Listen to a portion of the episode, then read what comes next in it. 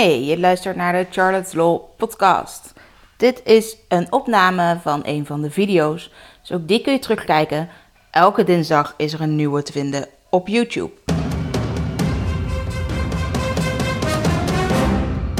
Charlotte, de privacyjurist van Nederland. Nou, de afgelopen tijd zijn er heel veel vragen geweest over het privacyrecht en het portretrecht van verdachten en van daders. Nou, laten we het daar even over hebben. Nu noemen we hem Jos B. Maar hiervoor was gewoon zijn volledige naam bekend, Jos B. Daar ging de politie naar op zoek omdat ze een DNA-match hadden uh, met Nicky Verstappen, die 20 jaar geleden is vermoord.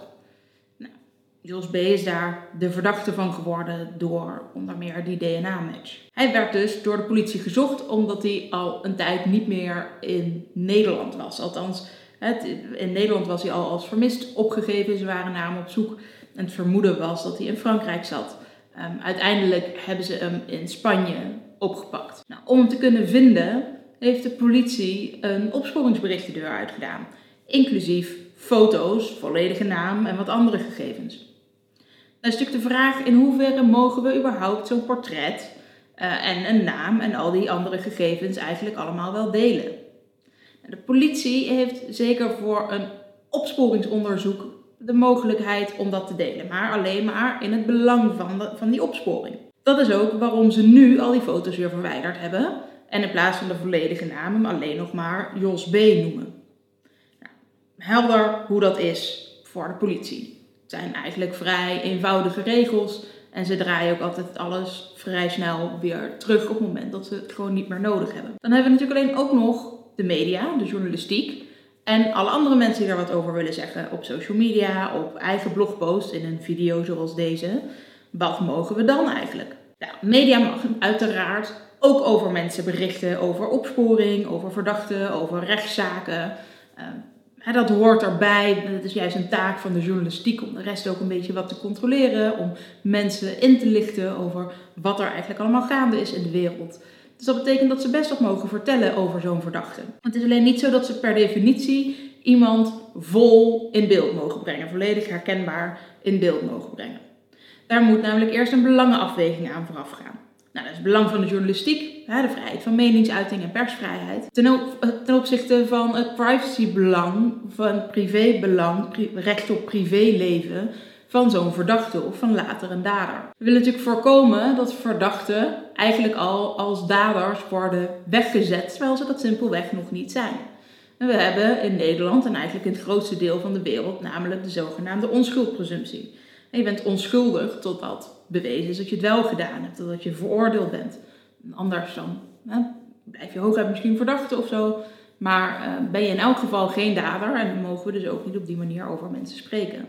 De media moet daar dus ook op die manier over nadenken. Nou, wat is nou eigenlijk in dit geval belangrijker? Je eerste gevoel zal misschien altijd zeggen de vrijheid van meningsuiting, want hij heeft het toch gedaan.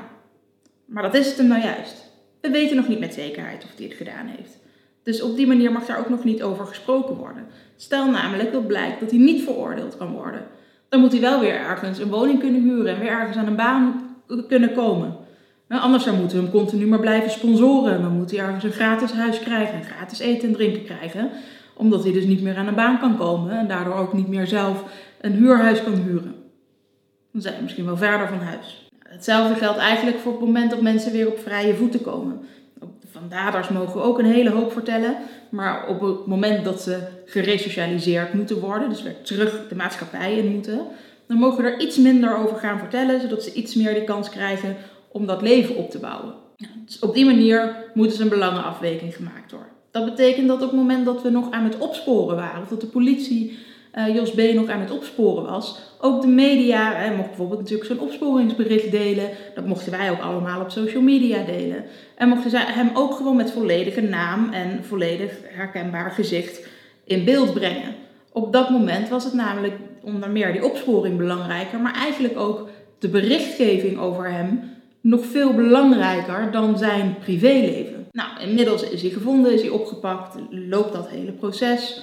Um, is het voor ons eigenlijk niet meer nodig om te weten hoe hij daaruit ziet. Moeten dan al die oude artikelen aangepast worden? Nee, dat ook niet. Die publicaties die waren in principe van toen, die mogen blijven bestaan zoals ze er waren. Het gaat er dus veel meer om dat alles wat we vanaf nu gaan publiceren, dat we dan onherkenbaar in beeld brengen. En over die naam, nou eigenlijk speelt daar een klein beetje dezelfde belangenafweging in. Alleen nou ja, natuurlijk niet op basis van portretrecht, maar puur op basis van privéleven en eer en goede naam. Nou is het in de journalistiek gebruikelijk om dan in elk geval namen af te korten en niet een volledige naam te publiceren. Maar dat betekent nog niet dat dat juridisch ook een verplichting zou zijn. Het is dus wel voor de politie een verplichting om, als het belang van de opsporing het allemaal niet meer voor nodig is, om dan zo'n portret te verwijderen en ook die naam weer afgekort te gaan gebruiken. Ik hoop dat nu een beetje meer duidelijk is wat we dus wel en niet mogen doen als het gaat om het delen en het publiceren van portretten van verdachten en daders.